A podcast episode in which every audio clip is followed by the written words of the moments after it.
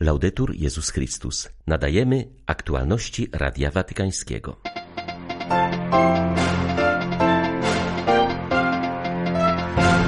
Nie wolno rezygnować z głoszenia Ewangelii, pomimo problemów, jakie to może stwarzać, mówił papież na audiencji dla swych rodaków, którzy przybyli do Rzymu na niedzielną kanonizację XVIII-wiecznej Argentynki zwanej Mamą Antulą.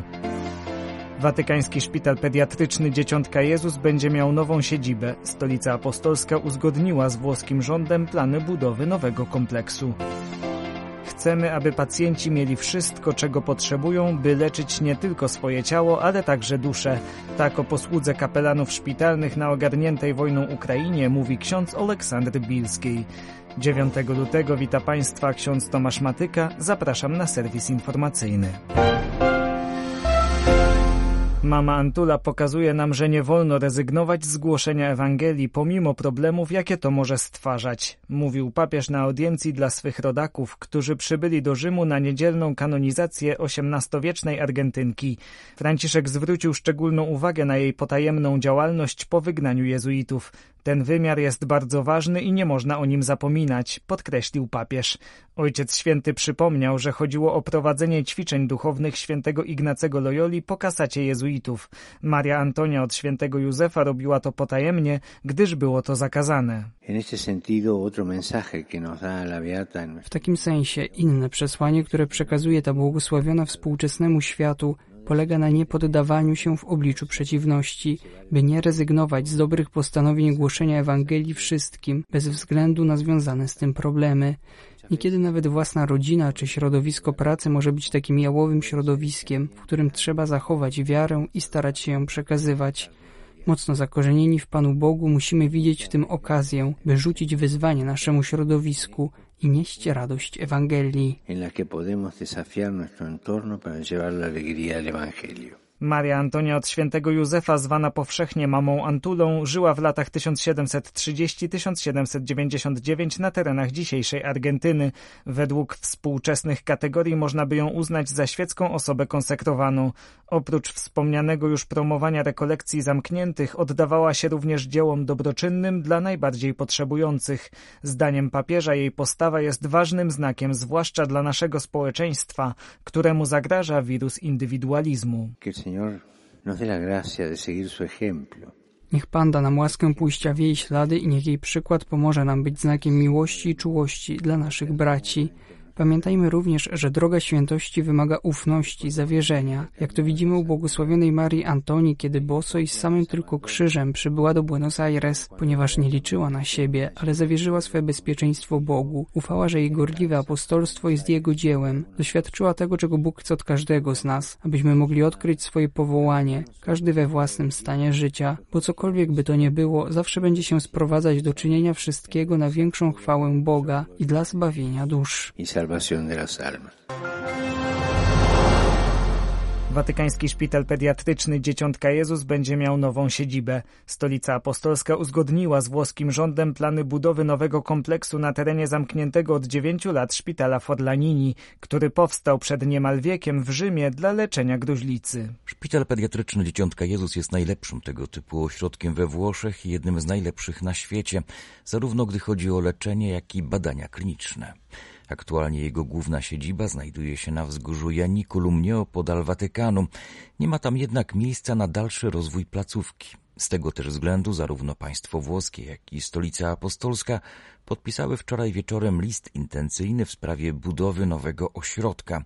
Ma on powstać do 2030 roku. Dzięki temu watykański szpital będzie posiadał co najmniej czterokrotnie większe przestrzenie niż obecnie. Cała operacja jest dość złożona zarówno ze względów prawnych, jak i finansowych. Przewiduje m.in. nabycie przez Stolicę Apostolską od regionu Lacjum dawnego szpitala Forlanini. Losy aktualnej siedziby szpitala Dzieciątka Jezus nie zostały jeszcze przesądzone. Ustalono jedynie, że w wypadku jego sprzedaży państwo włoskie będzie miało prawo pierwokupu. List intencyjny podpisali w tej sprawie watykański sekretarz stanu kardynał Pietro Parolin i podsekretarz Rady Ministrów Alfredo Mantovano.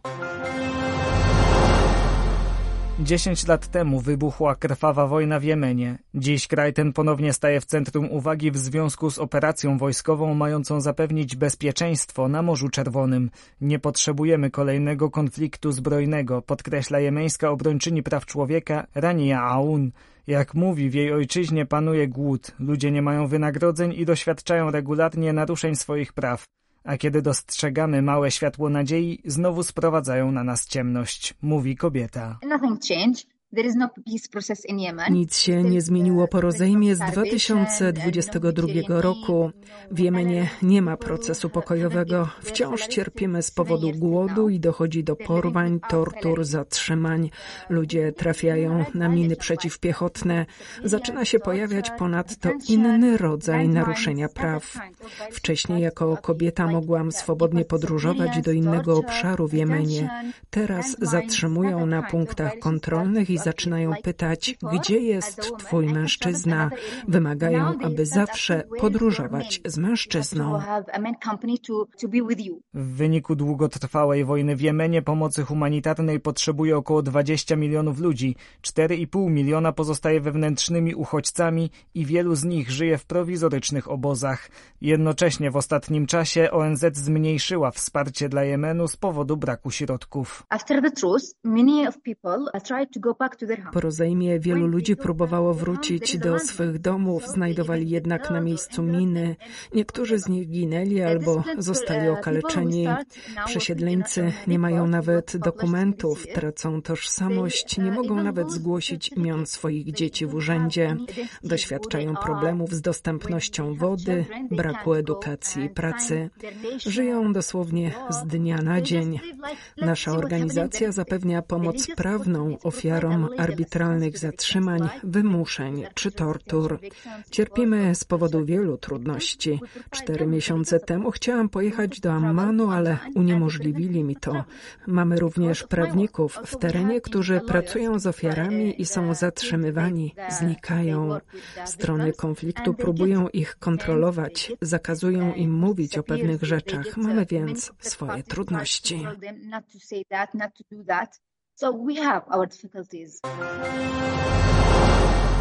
Jezuici znani są z wypracowania konkretnego modelu szkolnictwa, ale wobec nowych wyzwań wciąż gotowi są do próbowania nowych dróg. Jedną z takich inicjatyw stanowi Redfern Judgum College, szkoła dla aborygenów w Sydney.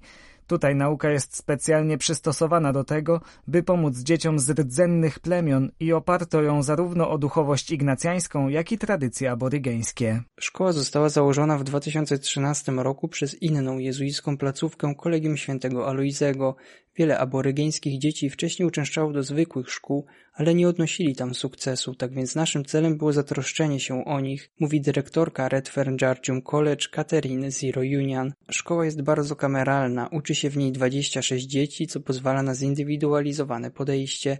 Obok tradycyjnych przedmiotów uczniowie regularnie mają zajęcia kulturalne lub techniczne, nieraz powiązane z tradycjami aborygeńskimi. Jak wyjaśnia dyrektorka, dużo uczniów pochodzi z ubogich rodzin, które dodatkowo doświadczają międzypokoleniowej traumy. Przynosimy nadzieję tym ludziom zmagającym się, aby ją znaleźć. Przyodziewamy i karmimy dzieci i odpowiadamy na ich podstawowe codzienne potrzeby. Dostrzegamy i doceniamy dary każdego ucznia, mówi Zero Union. Dialog życia to podstawowy wymiar naszej obecności w Algierii, mówi biskup Davide Carraro, który niedawno objął diecezję orańską. Znakiem tego zaangażowania kościoła byli liczni muzułmanie, którzy wzięli udział w uroczystościach związanych z udzieleniem mu sakry biskupiej. Spośród 800 zebranych stanowili oni około połowę. To nasi przyjaciele, osoby pozostające blisko nas w życiu codziennym, z którymi dzielimy naszą drogę w tym kraju, mówi biskup Carraro. Oran to miasto na zachodzie Algierii, które niegdyś Albert Camus wybrał na zbiorowego bohatera swego dzieła pod tytułem Dżuma. I choć wtedy w powieści Kościół był ważnym miejscem dla mieszkańców stojących wobec tragedii zarazy, dziś jego miejsce zająłby zapewne meczet.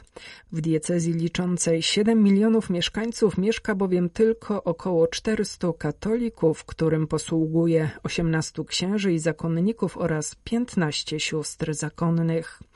To stanowi o kruchości, ale też o pięknie tego kościoła, kościoła małego, prostego, skupionego na tym, co istotne, mówi nowy ordynariusz Oranu.